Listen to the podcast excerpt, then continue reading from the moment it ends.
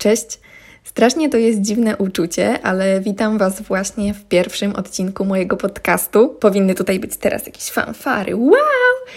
W końcu!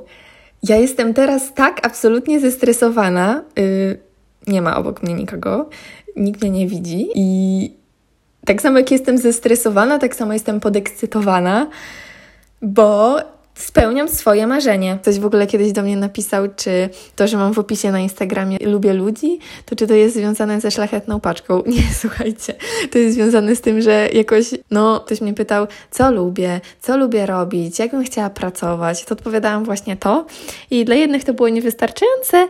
Yy, i mieli jakieś takie, nie wiem, podejście, że no ale jak to, nie masz sprecyzowanych celów. No a jak widzicie, no to to właśnie to miałam na myśli, tylko nie umiałam tego nazwać, a może trochę się bałam. A mam ogromną ochotę na poznawanie ludzi. Chcę, żeby to było takie bezpieczne miejsce. Ja nie muszę się ze wszystkimi zgadzać, nie wszyscy muszą się zgadzać ze mną, więc, więc to, zgubiłam wątek. Boże, straszne to jest, ale tak naprawdę nie chciałam mieć jakiegoś scenariusza, żeby to pięknie i ładnie przeczytać, więc myślę, że tyle. Myślę, że tyle. Teraz, yy, teraz musicie podjąć decyzję, czy widzimy się kolejnym razem.